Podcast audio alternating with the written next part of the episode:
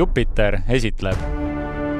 planeet Hollywood stardib taas, et tuua teieni filmiarvustused, filmiuudised ja kõik muu, mis sinna filmide juurde käivad ja meie kastmeks ei ole guljaš, vaid on hoopis selline mõnus, ma ütleksin, väga selline võib-olla mõnes mõttes kollane, mõnes mõttes nagu pealkiri ütleb, Hollywoodi vaatav ja räägime nendest peamistest asjadest, et vaatame ka vahepeal mingeid nišifilme, nišiasjadest räägime, aga meile meeldib see põhikreem, mis on ikkagi kookide peal ja hea meelega selle ära limpsame. tere, mina olen Richard ja selle suurepärase introga oli Andri ning just meelelahutusfilmid, sarjad, see kõige-kõige ägedam, mis publikut kütab ja sellel nädalal kütab kirgi, ma ütleksin, oleme võtnud kaks filmi ja ka Halloweeni soovitused, aga esimeseks filmiks on? räägime Martin Scorsese Lillekuu tapjatest ja teiseks filmiks Eesti äh, selline noorte komöödiafilm Tähtsad ninad ja, ja nagu ütlesin, vaatame ka siis Halloweeni soovitused, sellepärast et Halloween juba järgmise nädala alguses on ja ma tean, et paljud nädalavahetusel otsivad sellist õudust. ja Jupiteri soovitused on ka Halloweeni teemalised, nii et palju-palju mõnusat hirmujüdinat on tulemas. aga uudistes räägime natukene Mamma Miast, räägime Netflixist ja mängudest mm,. ja Paddington kolmest ning natuke superkangelaste väsimusest aga enne seda, kui me jõuame kogu selle kompotini, siis äh, väikene selline sissejuhatus ka ja ma ei mäleta, vaata, kuna juba kolmekümne teine saade on meil, mis ma täpselt su käest küsinud olen, aga ma jäin mõtlema selle peale, et äh, kuigi täna on nõudluste aeg või selline Halloween on ja mardipäev ja kõik on selline natuke tumedam äh, ja, ja inimesed tahavad vaadata midagi tõsisemat. mina muideks hakkasin Wednesday'd uuesti vaatama lihtsalt mm. sellepärast, et seal on ka selline mõnus meeleolu, aga, aga mis selle vastand on, on komöödia ja, ja ma tahtsin su käest küsida, et äh, mis on olnud sinu viimase aja selline võib-olla kõige naljakam, äh, kas siis striimingu kogemus, kinokogemus, kus sa tundsid, et äh, no nüüd siin saan südamest naerda ja, ja see on lõbus? Kusjuures film ise, ma ütleks, ei ole mingi viimaste aastate parim komöödia, aga film, mis tegi niisugust väga mm, üle võlli huumorit ja niisugust roppu nalja, oli selline film nagu Strays Strays. see rääkis kodututest koertest ja sellest, kuidas üks koer tahab kätte maksta oma peremehele, tehes midagi väga ütleme nii, et nilbet okei okay,, no väga hea, tundub, et mina ei ole seda vaadanud, et tuleb, tuleb pilka peale visata. no mina jäin mõtlema ühe no ta on must huumor, briti huumor, see ei sobi kõigile, see on natuke nilbe ka, aga Sasha Baron Conan, keda me teame Cohen. Boratina ja keda me teame ka Brünona näiteks mm, -hmm. siis tal on selline pool action seiklusfilm nagu Vennad Grimsby, Brother Grimsby's ja no see on must briti huumor, aga minu arust see on nagu. sulle meeldis see film või? ja see oli naljakas, see oli, ei, ma olen veel äh, siin hiljuti vaatasin uuesti selle üle, elukaaslasele ka ikkagi määrisin pähe, talle treiler üldse ei meeldinud mm -hmm. ja, mhm. ja ütleme, et ta kokkuvõttes ütles, et okei okay,, aga lihtsalt need naljad võib-olla olid liiga üle võlli ja, ja ma ütleks vahepeal ajal mulle meeldib, kui on äh, võib-olla klassikalisele sellisele huumorile natuke musta huumorit ka. kui minnakse nendele keelatud aladele, seda väga tihti ei saa tänapäeval teha enam jah, väga riski ei võeta, see mm -hmm. film oli risk ja see kindlasti ei ole kuskil seal tabelite üleval, pigem kas keskel või allpool, aga, aga head, head huumorit sai.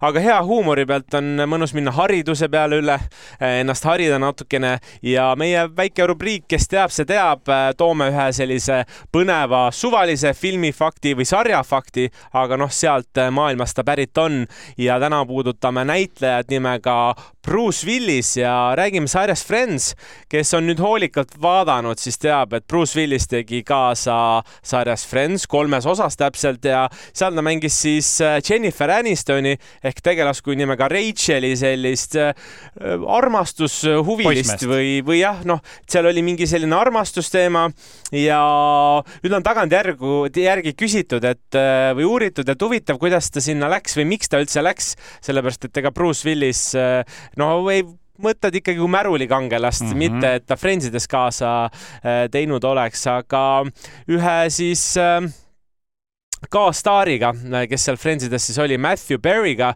tegi ta filmivõtete ajal The Whole Nine Yards, tegi ta kihlveo siis ja kuna ta selle kihlveo kaotas, Bruce Willis täpsemalt siis, siis ta ütles, et okei okay,, ma tulen Friendsidesse ka ja seal tegigi ja kas mitte ei võitnud ta Emmiga selle kõrvalrolli eest ja kogu siis väidetavat tulu, mis ta seal näitlemises sai, Bruce Willis annetas siis viie erineva heategevusorganisatsiooni vahel no see on äh, äge lugu ja väga suuremeelne temast, kusjuures mm -hmm. ma olen kuulnud veel nende mm, siis külalisstaaridega seal mm, -hmm. et minu arust Julia Robertsiga võis ka midagi sarnast olla, kes tuli põhimõtteliselt niisama mingisugune sõbramehe poolest ja tegi selle ära aga noh, siinkohal Bruce Willis tõepoolest äh, Die Hard ja kõiksugu veel mehised action filmid, seal, ta mängis muidugi, seal ta ikka täitsa murdus ja äh, nägime pisarat ja kõike muud no seal oli mees täiesti teises võtmes ja, ja minu arust on lahe, lahe, kui tekib selliseid juhuslikke, natuke suvalisi hetki, mingid kihlveoasjad, mis lõpevad tegelikult väga suurejooneliselt ja,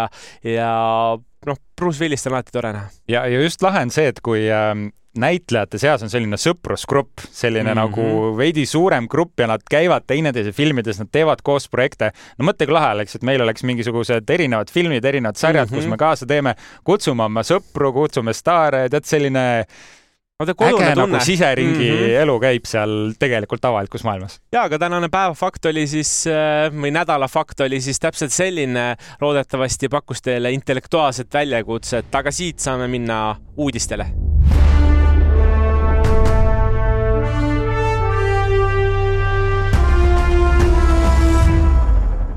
ja uudiseid on meil neli, Andri on valinud kaks ja mina olen valinud kaks. ja nagu ikka, Andri teeb otsa lahti jaa, aga räägime Netflixist ja hoopis arvutimängudest või siis mängudest ja kui keegi nüüd ei ole viimasel ajal Netflixi näiteks äh, telefoni käinud, siis äh, on erinevad seal mängud olemas. sa saad läbi selle alla laadida endale telefoni ja saad äh, lõbusalt mängida. tihti need mängud on üsna lihtsad, üsna lihtsad mm, -hmm. aga on ka mõned tuntumad nimed. ma praegu neid öelda ei oska, aga vaadake ise üle. telekaäpis, minu vähemalt telekaäpis neid mänge ei ole. ma tean, et inimesed, kes arvutiga lähevad äh, Netflixi, need saavad ka äh, mänge nii-öelda mängida, nii et see on võib-olla mingi asi, mida mõned ei teadnud, aga see ei ole nüüd äh, see uudis, millest ma rääkida tahtsin, sellepärast et äh, tundub, et Netflix on võib-olla ka sisenemas mängumaailma, sellepärast laiemalt et siis. ja laiemalt, et nüüd nad mõtlevad, kuidas siis jõuda nende suurte mängudeni ja praegu käivad läbirääkimised GTA tootjatega ehk siis GTA äh, täpselt nii, GTA mängud, kes teavad neid, neid suuri mänge, siis, siis äh, tahavad nad tuua GTA siis Netflixi Netflixi täitsa. nii et võib-olla me varsti näeme sellist asja, et ei ole Netflix ainult äh, siis videode streaming platvorm, vaid videode, sarjade ja mängude streaming platvorm, sellepärast et maailmas on võtmas mõõtu üks äh, selline tehnoloogia nagu pilves mängimine ja selle jaoks ei ole siis vaja eraldi äh, sellist konsooli, vaid sul on vaja normaalset internetiühendust ja, ja piisavalt head seadet, et siis äh, sa saaksid ilma konsoolita seda mängida, nii et võib-ollagi see, et äh, Netflixi tulevik on varsti midagi täiesti muud. ma tean, et erinevatel konsoolidel on küll olemas ka sellised äh, kuutasupõhilised teenused, aga, aga jah, minu meelest väga huvitav selline sisevaade, ma ei tea, kuidas sina sellesse suhtud, Richard, et mängud ka nüüd võib-olla hakkavad vaikselt tulema Netflixi? kas mu pilk midagi reetis ära ei praegu? ei reetnud, mina ma... ei saanud midagi aru. ma olin väga sellise skeptilise pilguga ja ma olen ka kuulnud ammu juba, et Netflix hakkab mänge tegema ja väidetavalt nad juba teevad neid. mina sain aru nii, et see plaan on justkui selline, et kui sul on telekas äpp mm -hmm. ja sa saad ka telefoni, tähendab, sa paned telekas selle mängu käima ja sinu telefon on justkui see pult see kontroller, millega sa mängid seda, mis iseenesest tundub väga lahe mõte, noh, sa ei pea endale ostma seda kallist mängukonsooli või lauaarvutit mm -hmm. ja saad läbi teleka ja telefoni seda mängida kui nad nüüd laiemalt tahavad sinna sisenema hakata, see tekitab nüüd küll küsimusi, et noh, siis noh, ma ei kujuta ette, kuidas see pilves mängimine, noh, seal peab ikkagi tugev, kõva video kaart ja seade ju vahel tänase, olema. jah, tänase sellisel viisil tõenäoliselt ei olegi võimalik, aga just see potentsiaalne mm -hmm. nagu äh, võimalikkus, sest noh, ma korra vaatasin, mis mängud neil praegu ka on ka, nad on teinud oma filmide kohta äh, või sarjade kohta, Laavis Blindi üks mäng on siin, no siin on ka mingid äh, Balloon Tower Defense ja praegu on tõesti need nagu sellised äh,, ma ei tea, Käsna-Kalle mängijad mm, -hmm. nad on väga mobiilimängude põhised, et äh, kindlasti päeval üks ei ole võimalik, aga kui ma mõtlen näiteks GTA peale ja mõtlen GTA Wise City või mõne San Andreas tehase mõne vanema versiooni peale, siis need on kindlasti palju vähem mahukamad ja, ja teoorias tundub see võimalik. võib-olla me tehnoloogiliselt siin vajame veel mõned aastad ja eks see teema ongi natuke tulevikku vaatav, et see ei ole asi, mis juhtub homme, aga, aga, aga kui siin suured tegijad, näiteks nagu Microsoft tuleks taha, siis mm -hmm. see streaming platvorm täiesti muutuks nagu ja ma ei kujuta ette just, kuidas nad Rockstar Games'i saaksid äh, enda pardale, sest äh, minu teada on öeldud, et see GTA kuus, mis praegu mm -hmm. tegemises on, et see jääb viimaseks GTA-ks ja edasi keskenduvad nad rohkem teistele mängudele, need Red Dead Redemption, kõik need ja, muud ja. veel avatud maailma mängud et kas siis Rockstar Games äkki müüb GTA õigused tõesti edasi, ütlebki, et see kuus on nende viimane, see tuleb Netflixile, see muidugi avab ka täitsa uue võimaluse minu arust teha ka mingisugune sarjade, filmide ja mängude ühine universum või teha sinna ka interaktiivset sisu, nagu oli see Bandersnatch, eks ole ja,. jah, jah, ma olen täiesti nõus ja, ja ma nii palju, kui ma artiklist aru sain, siis äh, praegu ongi point äh, noh, rääkida uuest, aga vanematest ka, et võib-olla mitte niivõrd ah, tulevikku va mm -hmm. vaadata, vaid neid vanu mänge, sest äh, need, ma ütlen, et viimased mängud, mis juba on, need ei ole võib-olla, võib-olla nii mahukad, aga, aga jällegi, ma arvan, arvan, nende huvi on mõlemad, nii uued kui vanad okay., et nad tahaks kõike saada mm, -hmm. et, et äh, maailm on kirju, aga et võib-olla varsti kõikides striimingutes on kõik asjad koos. et meie meelelahutus, kui meil vanasti oli muusika kuulamiseks, oli MP3 player mm., videode vaatamiseks oligi telekas ja, ja fotokaamera oli eraldi pildistamiseks, siis võib jällegi olla, et, et nii nagu toimus siis äh, Äh, juba läheb väga tehniliseks meil, riistvara selline läks ühtekokku ja telefoniga saad täna kõike teha. varsti võib striiminguga olla sama, et mitte ei ole ainult filmid ja sarjad, vaid näiteks äkki mingid uudised või midagi muud, et ta on mingi selline elustiili platvorm mm. -hmm nii et äh, Jupiter, äh, te peate ka hakkama siin vaikselt mänge vaatama juurde. eks ikka, eks ikka asjad liiguvad sinnapoole ja lasteekraanis, kusjuures Jupiteri alamleht, kus siis leiab lastesisu, leiab ka mänge nii no, et meie oleme juba, juba ammu seal, me oleme juba kõik äh, müürid murdnud aga mis veel, Richard, on äh,? valisin ühe sellise mm, toreda uudise nagu Paddington kolm on kinnitatud ning jõuab kahe tuhande kahekümne viiendal aastal kinodesse äh,. Paddington on siis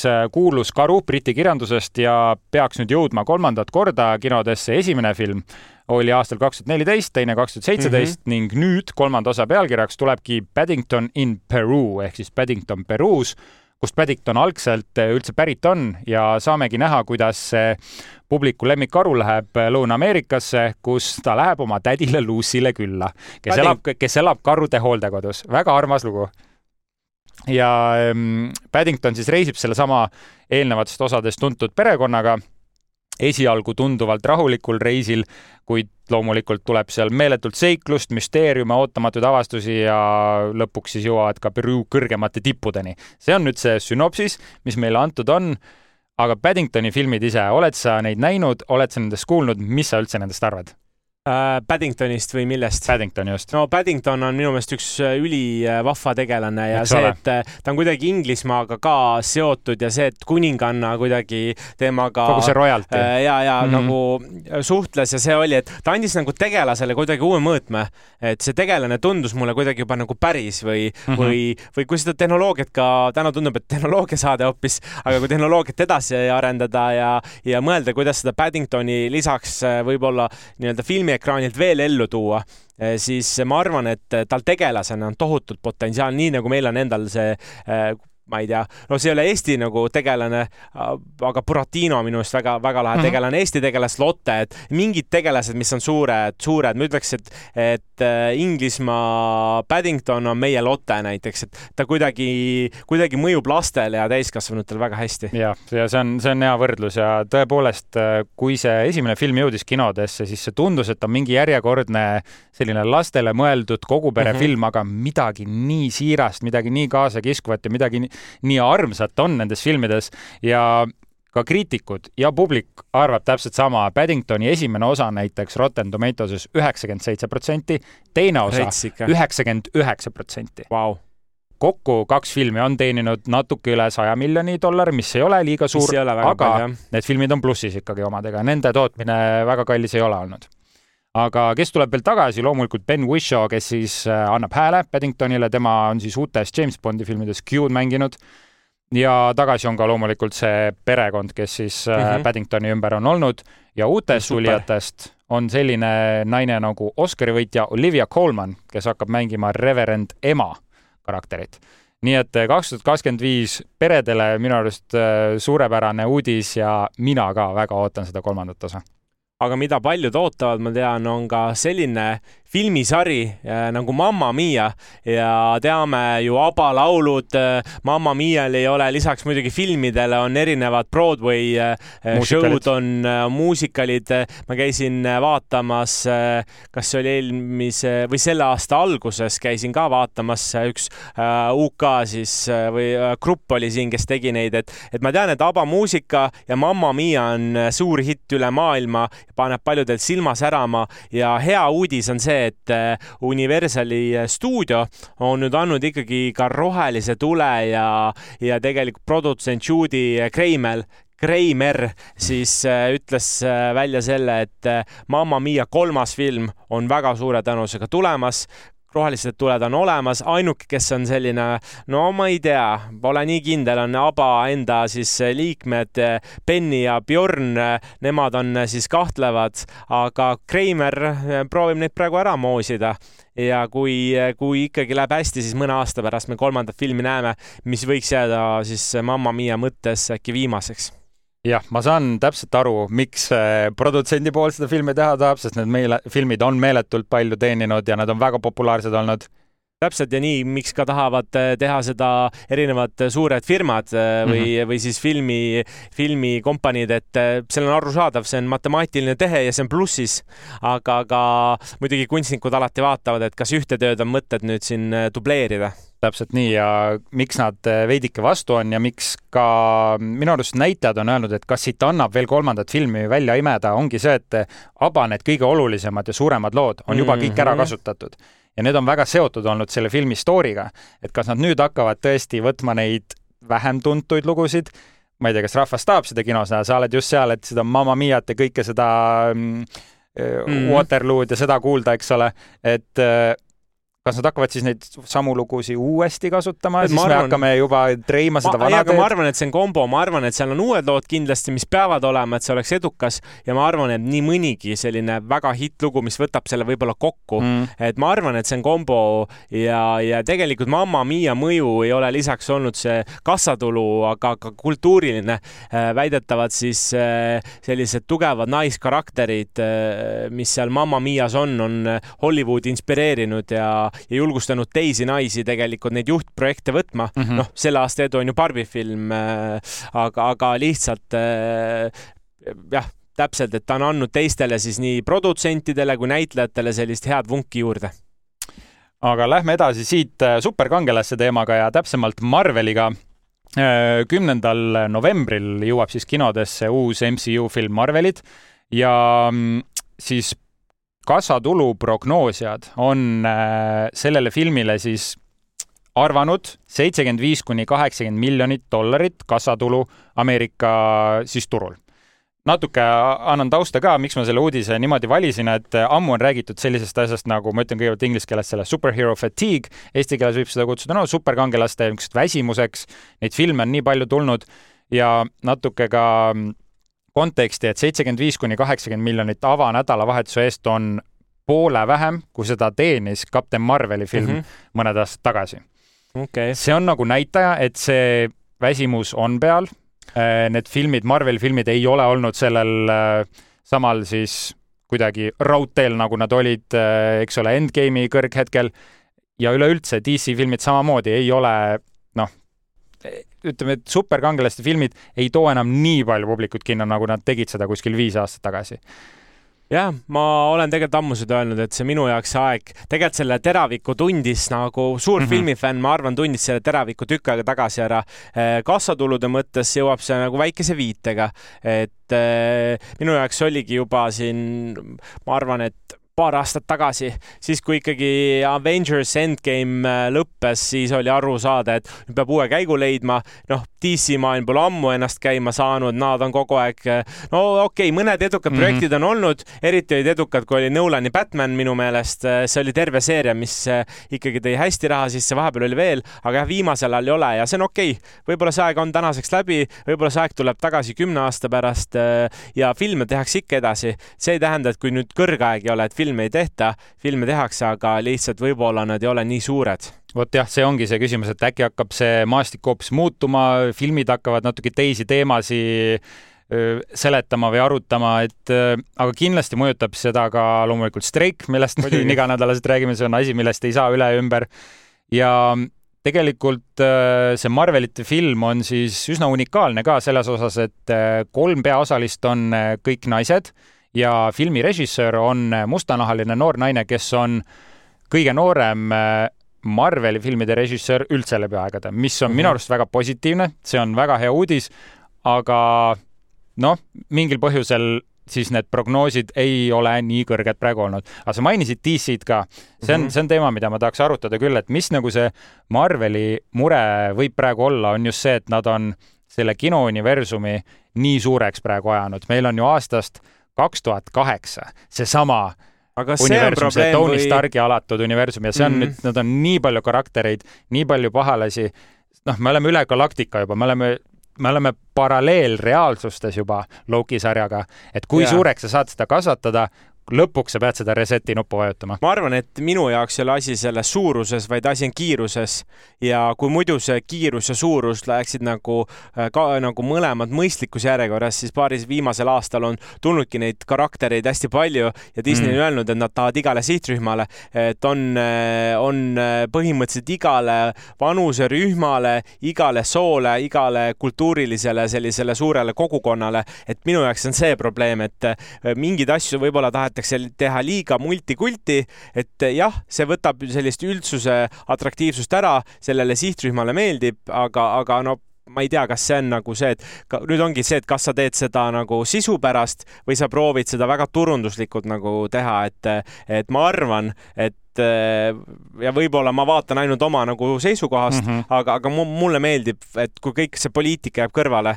kui tehakse lihtsalt filmi, filmi pärast ja täna on üks hea näide minu meelest, kus poliitika on selles suhtes kõrvale jäetud ja on võetud ikkagi asi päriselt ette, on Lillekuu tapjad, millest mm -hmm. me räägime, sest seal on ka poliitilisi teemasid, aga ta on väga julge, et ta on täpselt oma aususes eh, see, mis ta on.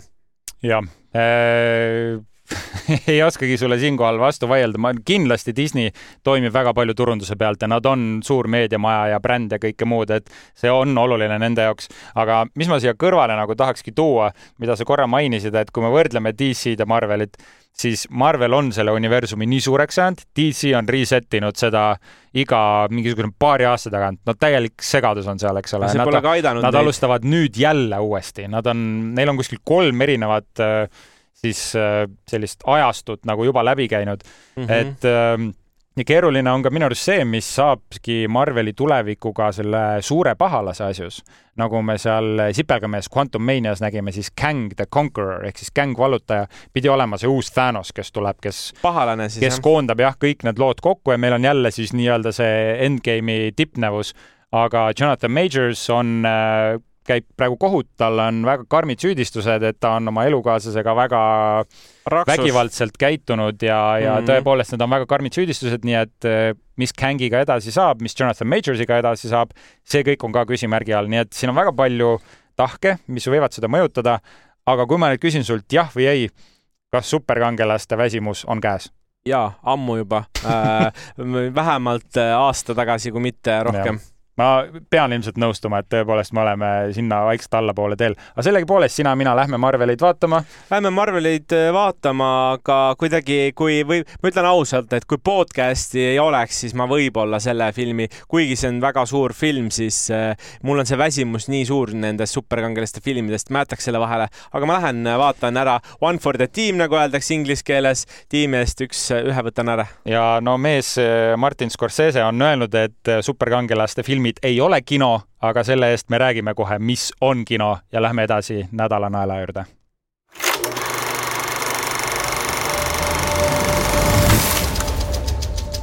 ja nädala naelaks kaks filmi, Andri käis kodumaist filmi vaatamas ja me mõlemad käisime vaatamas Martin Scorsese Lillekuu tapjad no pikalt räägitud, pikalt oodatud äh, pikk film ise ka, kolm tundi kakskümmend kuus minutit äh, ja miks me seda rõhutame, on see, et ta on ainulaadne selles mõttes, et äh, pikkasi filme on tehtud, aga tihti siis montaažis lõigatakse need pikad osad ära ja viimane pikem oli Oppenheimer, mis oli ka üle kolme, üle kolme tunni, tunni natukene nõksa, nii et võib-olla on võrdlus olemas, aga ma ütleks sisult täiesti erinevad.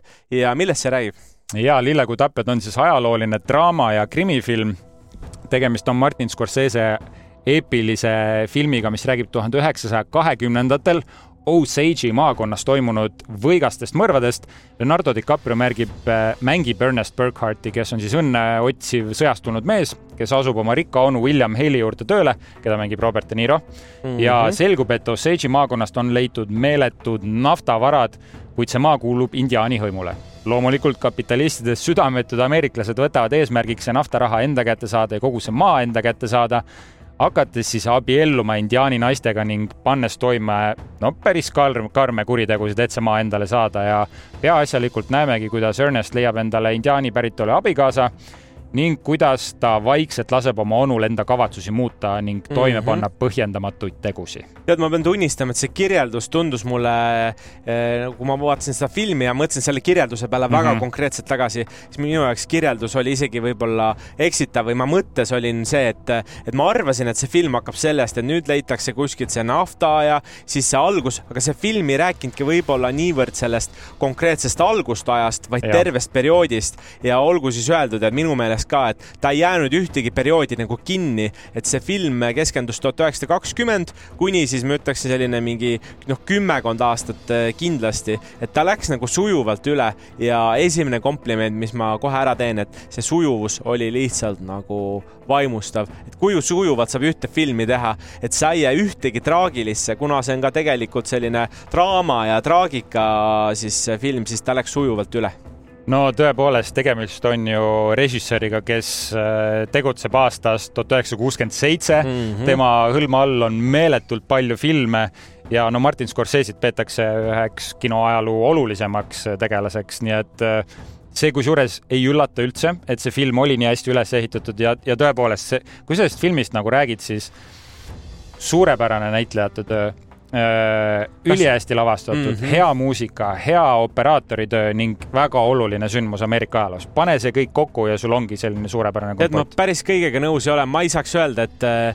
kõik näitlejad oleks suurepärast tööd teinud, et nad tegid oma osa ära, aga ma ütleks sellel reži-, kuidas režissöör seda asja mm -hmm. näitas, need näitlejad nagu see tundus, et näitlejad lihtsalt olid ka seal, aga see film nagu sündis. et ma, ma seekord küll ütleksin seda, et äh, kui ma mõtlen pea ühele peaosalisele Leonardo DiCaprio Leonardo'le, muidugi ta tegi kõik ära, ta tegi, ta tegi ära seda, mida temalt oodati, aga ma mõtlen filmile, siis ma ei mõtle, et oo, Leonardo oli nii hea, et Leonardo Päriselt, tegi nii ja, ja et, et ma pigem annaksin kogu selle nii-öelda krediidi või credit'i annaksin, tänavakrediidi annaksin mm -hmm. siis äh, režissöörile, kes äh, lihtsalt nagu kuld, nagu oleks kaameraga kulgenud läbi selle aja.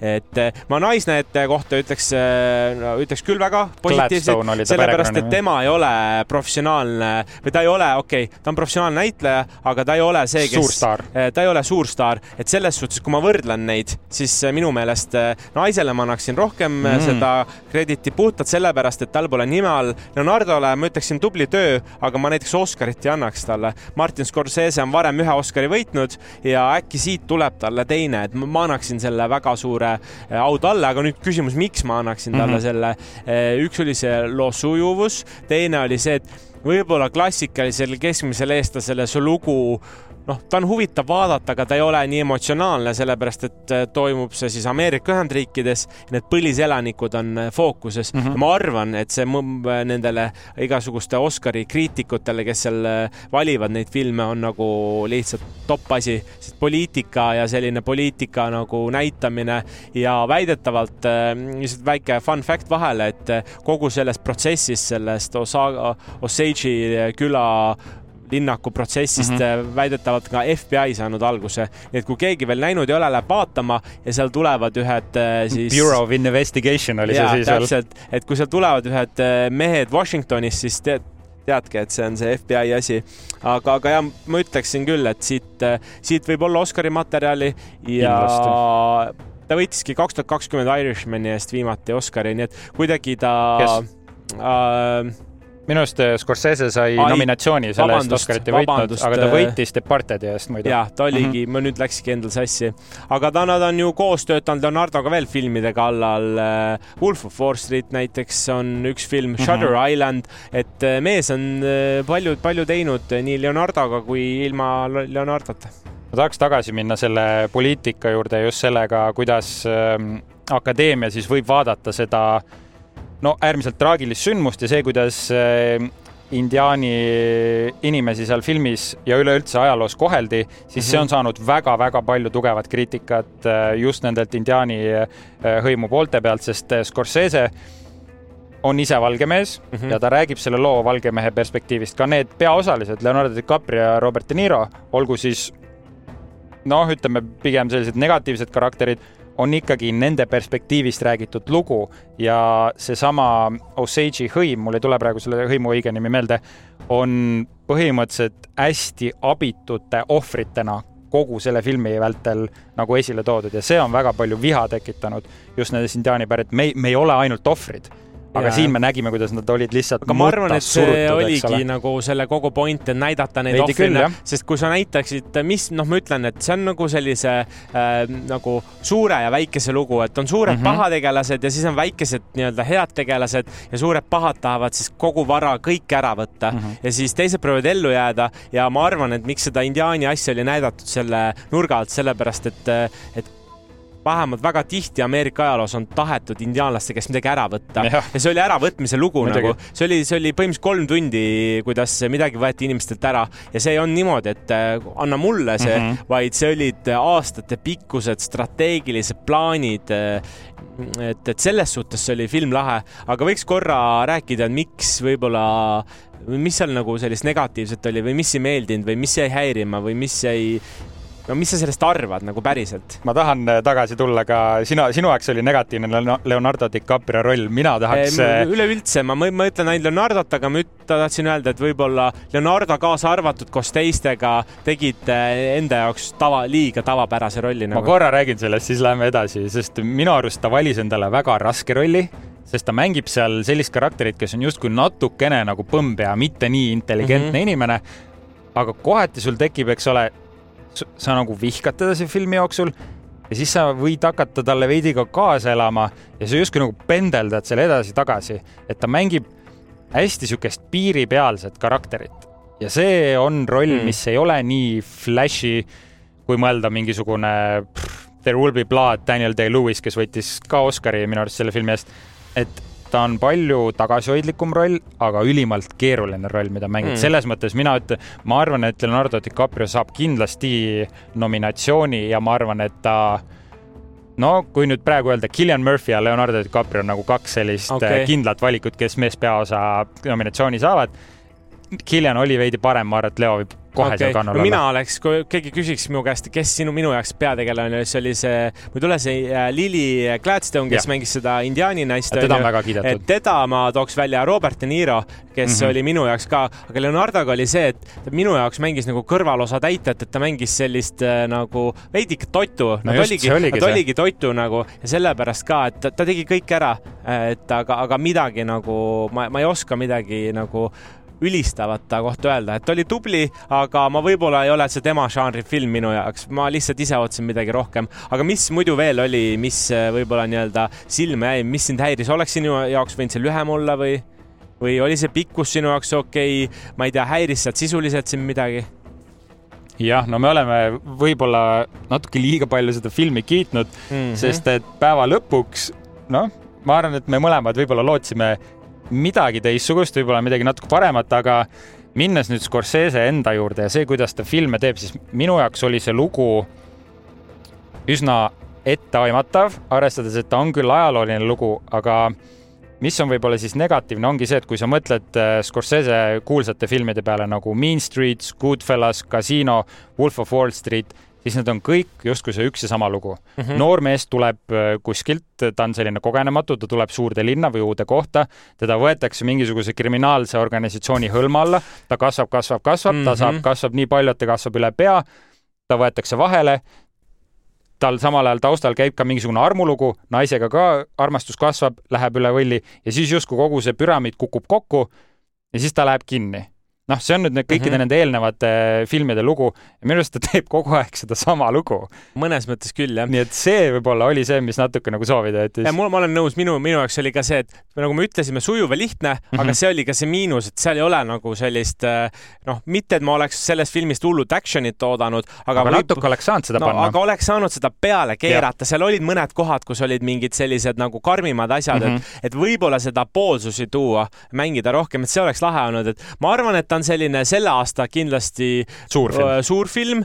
ta on, minu jaoks on piisavalt hea film, ka mm, ma mõtlen, kuidas seda veel iseloomustada, võib-olla keegi küsib, kas Eepiline ta, kas ta peaks seda vaatama, siis ma ütlen niimoodi, et mind, mind see pikkus ei häirinud, ma tean, et minu, ma ise üllatusin, ma olin väga väsinud, ma käisin reede õhtu seda vaatamas. Mm, -hmm. see lõppes minu jaoks kell üksteist õhtu, aga tead, ma, ma ei kordagi olnud niimoodi, et ma oleks nüüd, et aa, ma ei jaksa tegelikult no see on ikkagi jah, see, see lugu, need näitlejad ja see lavastaja, kes suudab seda paeluvalt teha ja, ja ka DiCaprio ise, kusjuures miks, miks tema, miks ta võib-olla oli nii nauditav minu jaoks vaadata, oli ka see, et ta kusjuures impros ülipalju selle filmi mm. jooksul ja Scorsese ja De Niro ei olnud õnnelikud selle üle ah.. et kui sa näed seal krimpsus ninaga De Nirot, siis ta ilmselt oli pahur. päriselt ka pahur mm. selle üle, kuidas siis staar selle asjad enda kätte võttis aga kui nüüd rääkida jah, et kas see on film, mida soovitada kinno just vaatama minna või tahad, lähme oma nende põhikategooriate juurde juba? ei, võime mõelda küll, et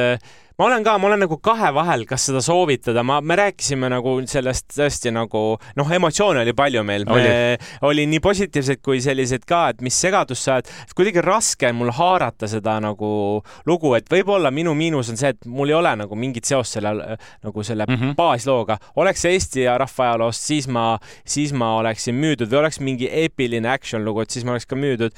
Mm, ma ei teagi, ma arvan, et ei pea minema niivõrd kinno, et see võib ka striimingust vaadata, aga kui sa tunned huvi Martin Scorsese tööde vastu, tahad näha sellist meisterlikku teost, terviklikku teost, siis ma ütlen, mine jah, äh, see on film, mis on siis Apple'i poolt kusjuures toodetud mm -hmm. ja see film maksis ise kakssada miljonit ja teenis vist esimese nädalavahetusega, no Taylor Swift tegi ära talle põhimõtteliselt. Eestis oli ka neljas, ma vaatasin. jah, et see ei ole film, mis äh, ilmselt teenib selle raha tagasi, aga mis on huvitav, on just see, et Apple'i jaoks on see film ilmselt kahesaja miljoniline turunduslüke oh.. see film hakkab Oscareid kogumas, see, nad saavad promoda seda läbi selle justkui kõiki oma tooteid, mis neil veel on.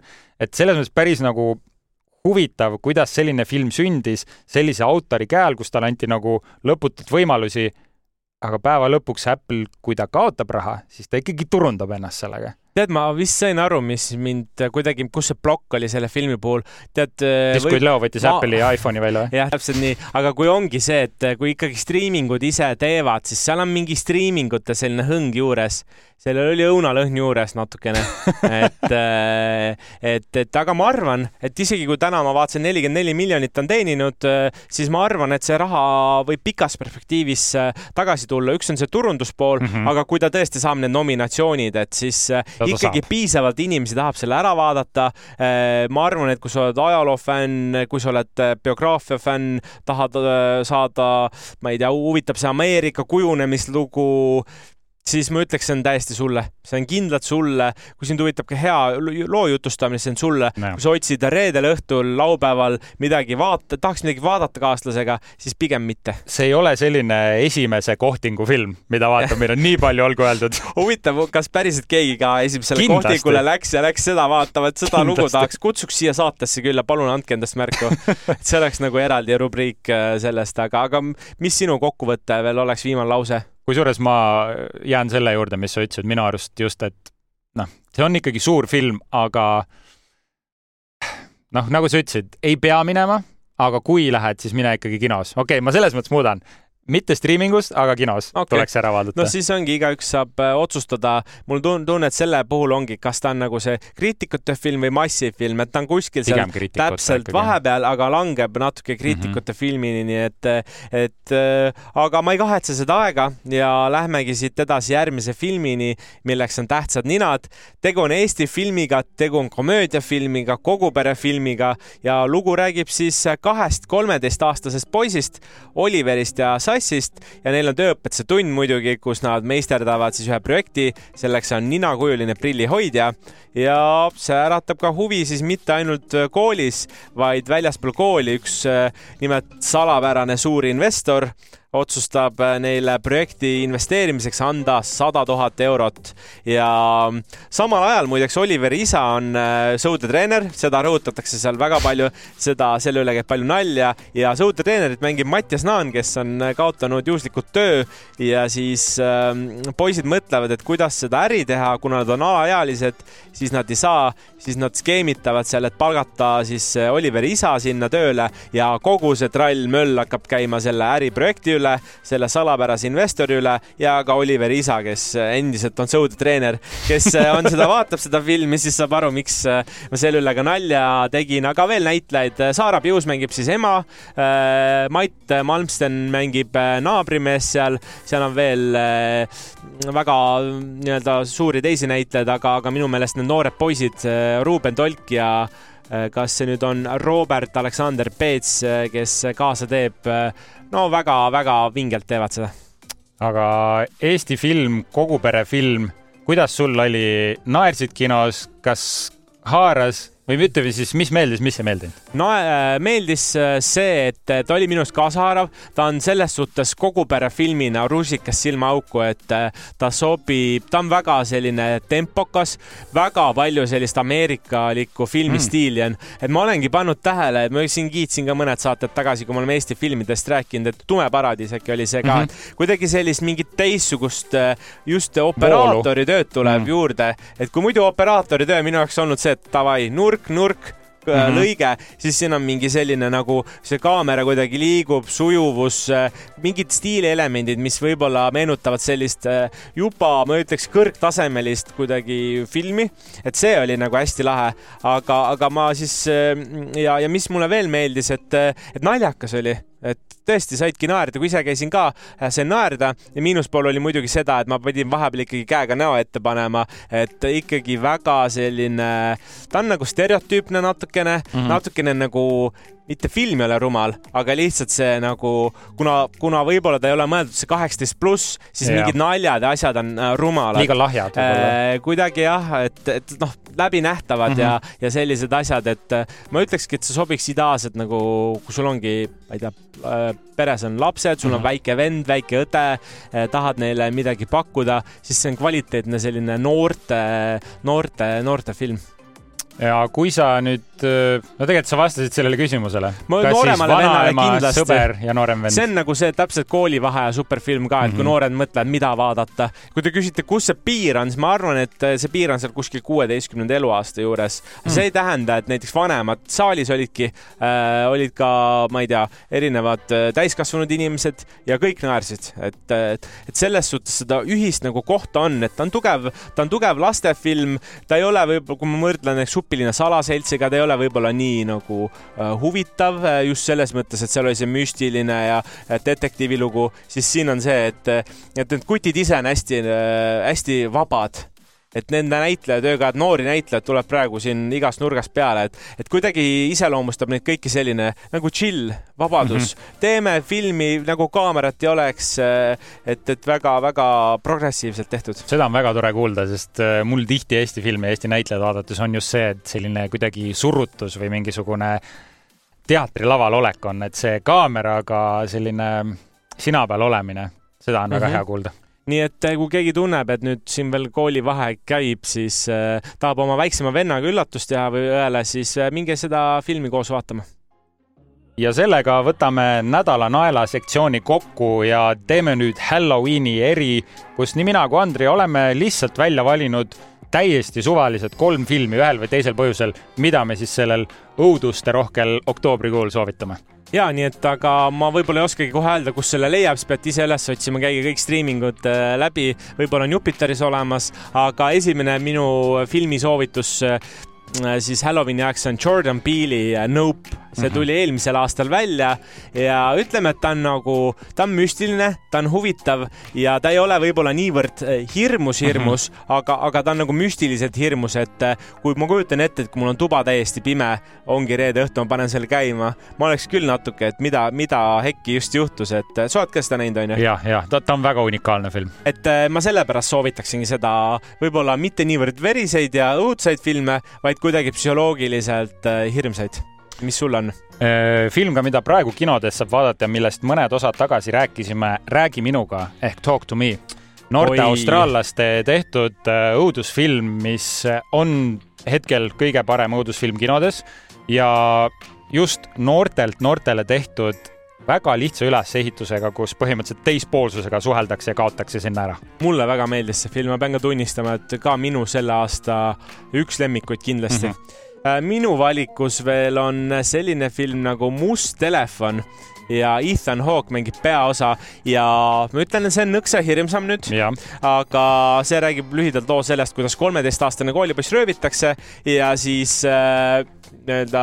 pannakse sadist... keldrisse kinni. ja sadistik mõrvar siis hakkab temaga seal suhtlema ja kuidas see lugu lahti nii-öelda rullub, siis äh, seda saab seal näha, aga see on ka selline psühholoogiline, ma ütleksin, põnevik, äh, õudukas, et ta järjest kerib vinti juurde. ma olen praegu järjest siin tumedamaks läinud, nii et äh, mis sul seal Halloweeni valikus on? mina lähen nüüd zombimaailma ja soovitan ühte filmi, mis ma julgen öelda, et on kõige parem zombifilm, mis on kunagi tehtud ja selleks on Rong Busanisse mm. ehk Train to Busan Lõuna-Korea film, eh, mis siis põhimõtteliselt räägibki sellest, kuidas zombid hakkavad maailma üle võtma, aga meie tegelased on ühes kiirrongis kinni ja kuidas nad seal põgenevad, kuidas seal ellu jäädakse mm, -hmm. millised suhted tekivad, see on väga tempokas, väga kaasakiskuv ja kõige ägedam zombifilm, mida ma olen kunagi näinud. ja pehmemate õudusfilmide austajatele siis eh, vana klassika äh, Scream ja Scream. esimene või? Äh, ma pigem soovitaks neid viimase aastate omasid. siis ei ole üldse pehme ju. või noh, äh, no, pole tegelikult pehme. nojah, aga mulle just meeldib, äh, kuidas Jenny Ortega on toonud selle, ta on kuidagi selleks Scream'i viimaste aastate kahe viimase filmi näoks saanud ja, ja., ja kuidagi selline, ta on väga nutikas, ta on mõnes mõttes naljakas, aga kuna ta on tehtud läbi õuduste, seal on sellist äh, verelikku äh, tapmist, siis äh, no ehmatusi vist ei ole minu meelest väga palju, ma ei mäleta. no veidi on, on, aga või? ta on tehtud sellised väga meelelahutuslikus võtmes ja nad nagu pilab natuke seda žanrit. pilab täpselt jah. aga, aga hoiab nagu kuidagi hästi popkultuuriga sind nagu seoses ja jah, Jenna Ortega, nagu mainisid, Wednesday'st ka tuttav staar. ja siin eelmine aasta tuli ja minu arust selle aasta alguses ka ja praegu on järjest lastud neid välja, nii et äh, ma vaatasin ka, kuna ma ise tahan seda nüüd uuesti nädalavahetusel vaadata mm, -hmm. siis ma otsisin need enda jaoks välja ja ma tean, tean, et eh, striimingutes eh, on need olemas. ja minu viimane soovitus on eh, vähem õudsam, aga müstiline fantaasiasugemetega film Doctor Sleep ehk Doktor Uni tegemist on siis The Shiningu järjega, kus Ewan McGregor mängib peaosalist, kes on siis mm -hmm. seesama poiss, kes siis Jack Nicholsoni poega siis filmis The Shining mängib ja näitab nüüd, kuidas tema vanemas eas selle erilise võimega hakkama saab, mis äh, ta siis seal esimeses osas sai. see film, sellest on väga raske rääkida nii, et seda lugu justkui nagu tutvustada mõne lausega. ühesõnaga, seal on õudust, seal on nõidust, seal on võluväge ja loomulikult seal on palju õudust no väga hea, siis on asi ants. ja kui keegi mõtleb, et mida veel vaadata, mis õudukaid vaadata, siis väga lihtne, siis äh, minge vaadake siis streaming platvormidest üle Planeet Hollywoodi erinevad osad. ma tean, et üks osa on ka õudukate eri ja, ja seal me päris äh,, me anname päris laialdaselt soovitusi. seal on ka üks äh, läbi aegade kõige õudsam film minu jaoks, Smile, nii et äh, kui keegi, kedagi hakkas nüüd huvitama, siis tuleb see osa välja otsida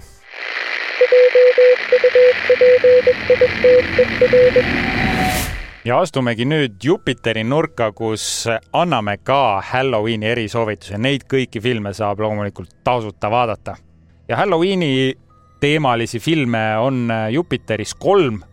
no tegelikult on neid rohkem, tegelikult on neid juba kuskil seitsme-kaheksa ringis, aga ma tegin selle kõige parema valiku just äh, selle kolme filmiga ja esimeseks Austraalia film Babadook, mis tuli mm -hmm. välja kahe tuhande kolmeteistkümnendal aastal ja räägib siis väikelinnas elavast üksikemast Ameliast ning tema pojast Samuelist, ja milline on nende kodune elu. Nende kahega on jõudnud üks traagiline sündmus, nad on kaotanud pereliikme ning Samuel ehk siis see perepoeg on hüperaktiivne laps ja ta on veendunud, et ta näeb nägemusi ja ka koletist, kes nende kodus elab, kelle nimi ongi siis Babadook. film nice. on mitmekihiline, seal on peidus palju enamat kui ainult see õudus. Kui filmi vaatad lõpuni, siis saad aru, kuidas asjad kokku tulevad, et äh, pildiliselt on ta selline väga monotoonne peaaegu sihuke mustvalge, aga ta on kriipiv ja häiriv ja väga ägeda tabava lõpuga. nii et kui keegi tahab äh, tabavat lõppu ja natukene õudust saada kehasse, siis äh, tuleb see ära vaadata. ja järgmiseks filmiks Lõplik lõige. See on nüüd üks väga verine soovitus, olgu see ette öeldud, tegemist on kahe tuhande kahekümne teise aasta Prantsusmaa filmiga ja see on hoopis õuduskomöödia ja räägib loo sellest, kuidas hakatakse tegema zombi õudusfilmi ja kogu tegevus toimubki siis filmi võtteplatsil mm., kui asjad hakkavad, no ütleme, käest ära minema. film pilab siis äh, filmimaailma telgitagu, telgitaguseid ja ka sedasama zombi žanrit. ja nagu mainisin, verd, sellist äh, satiirilist huumorit ja väga metatasandil äh, loo rääkimist. see on üks üllatavalt äge film, mis sobib nii sellistele filmigurmaanidele, kes tahavad võib-olla natuke midagi kunstilisemat, aga ka ma ütleks, Andri, sinusugustele, kes tahavad võib-olla mm -hmm. mingit tempokat, naljakat ja ägedat äh, loo liikuvust. ma korra viskasin ka pilgu, tundus selline väga tuus asi, mida, mida vaadata, vaatasin IMDB-s kuus koma neli, nii et, et, et väga vaadatav, tuleb äh, nimekirja panna. ja kolmandaks film nimega Ära räägi kurja. See on siis kahe tuhande kahekümne teise aasta Taani ja Hollandi psühholoogiline õuduspõnevik, mis on ühtlasi šokeeriv, kuid ka no selline satiiriline hoiatusfilm. Ja räägib siis Taani perekonnast, kes sõbruneb Toskaanas ühe Hollandi perega. ja nad saavad kuskil kuu pärast uuesti kokku, otsustavad siis äh, teineteist külla kutsuda ning äh, Hollandis hakkavad siis asjad väga nihu minema, kui need äh, võõrustajad no põhimõtteliselt annavad märku, et nende sellise sõbraliku maski all on midagi sootuks teistsugust. see on ka film, millest ei saa väga palju ette öelda, aga ütleme, selline külaskäigu horror, aeglaselt lahti rulluv, kriipiv film, aga siin on ka päris palju niisugust body horrorit, et äh, see on ka film, mida siis nõrganärvilistele ei soovita, aga nagu me teame, Halloween on just see, kus sa tahadki, et piire kombitaks. meil praegu nõr nõrganärvilisi ei ole, õnneks me andsime ka pehmeid soovitusi ja natuke kangemaid, nii et igaüks saab ise valida, mis on tema maitse järgi. aga selleks korraks hakkamegi vaikselt joont alla tõmbama natuke räägiks ka, mida me järgmisel nädalal teha võime ja millest me järgmine nädal räägiksime. loomulikult praegu on õudukad need, mis äh, enamasti kinodes on ja üks niisugune päris pull film, äh, Viis ööd Fredi baaris tundus hästi selline mänguline, ägedalt värviline. Need vist need karud on ju?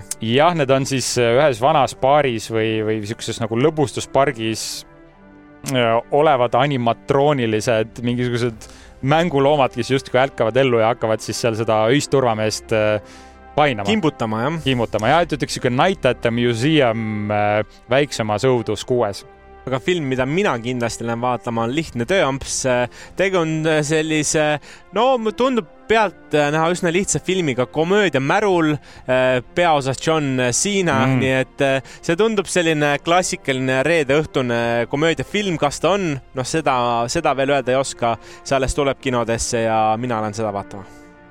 Aga ongi kõik, meil on selle nädala teemad kokku võetud, näeme teid juba ja kuuleme teid juba järgmisel kolmapäeval ja nii ongi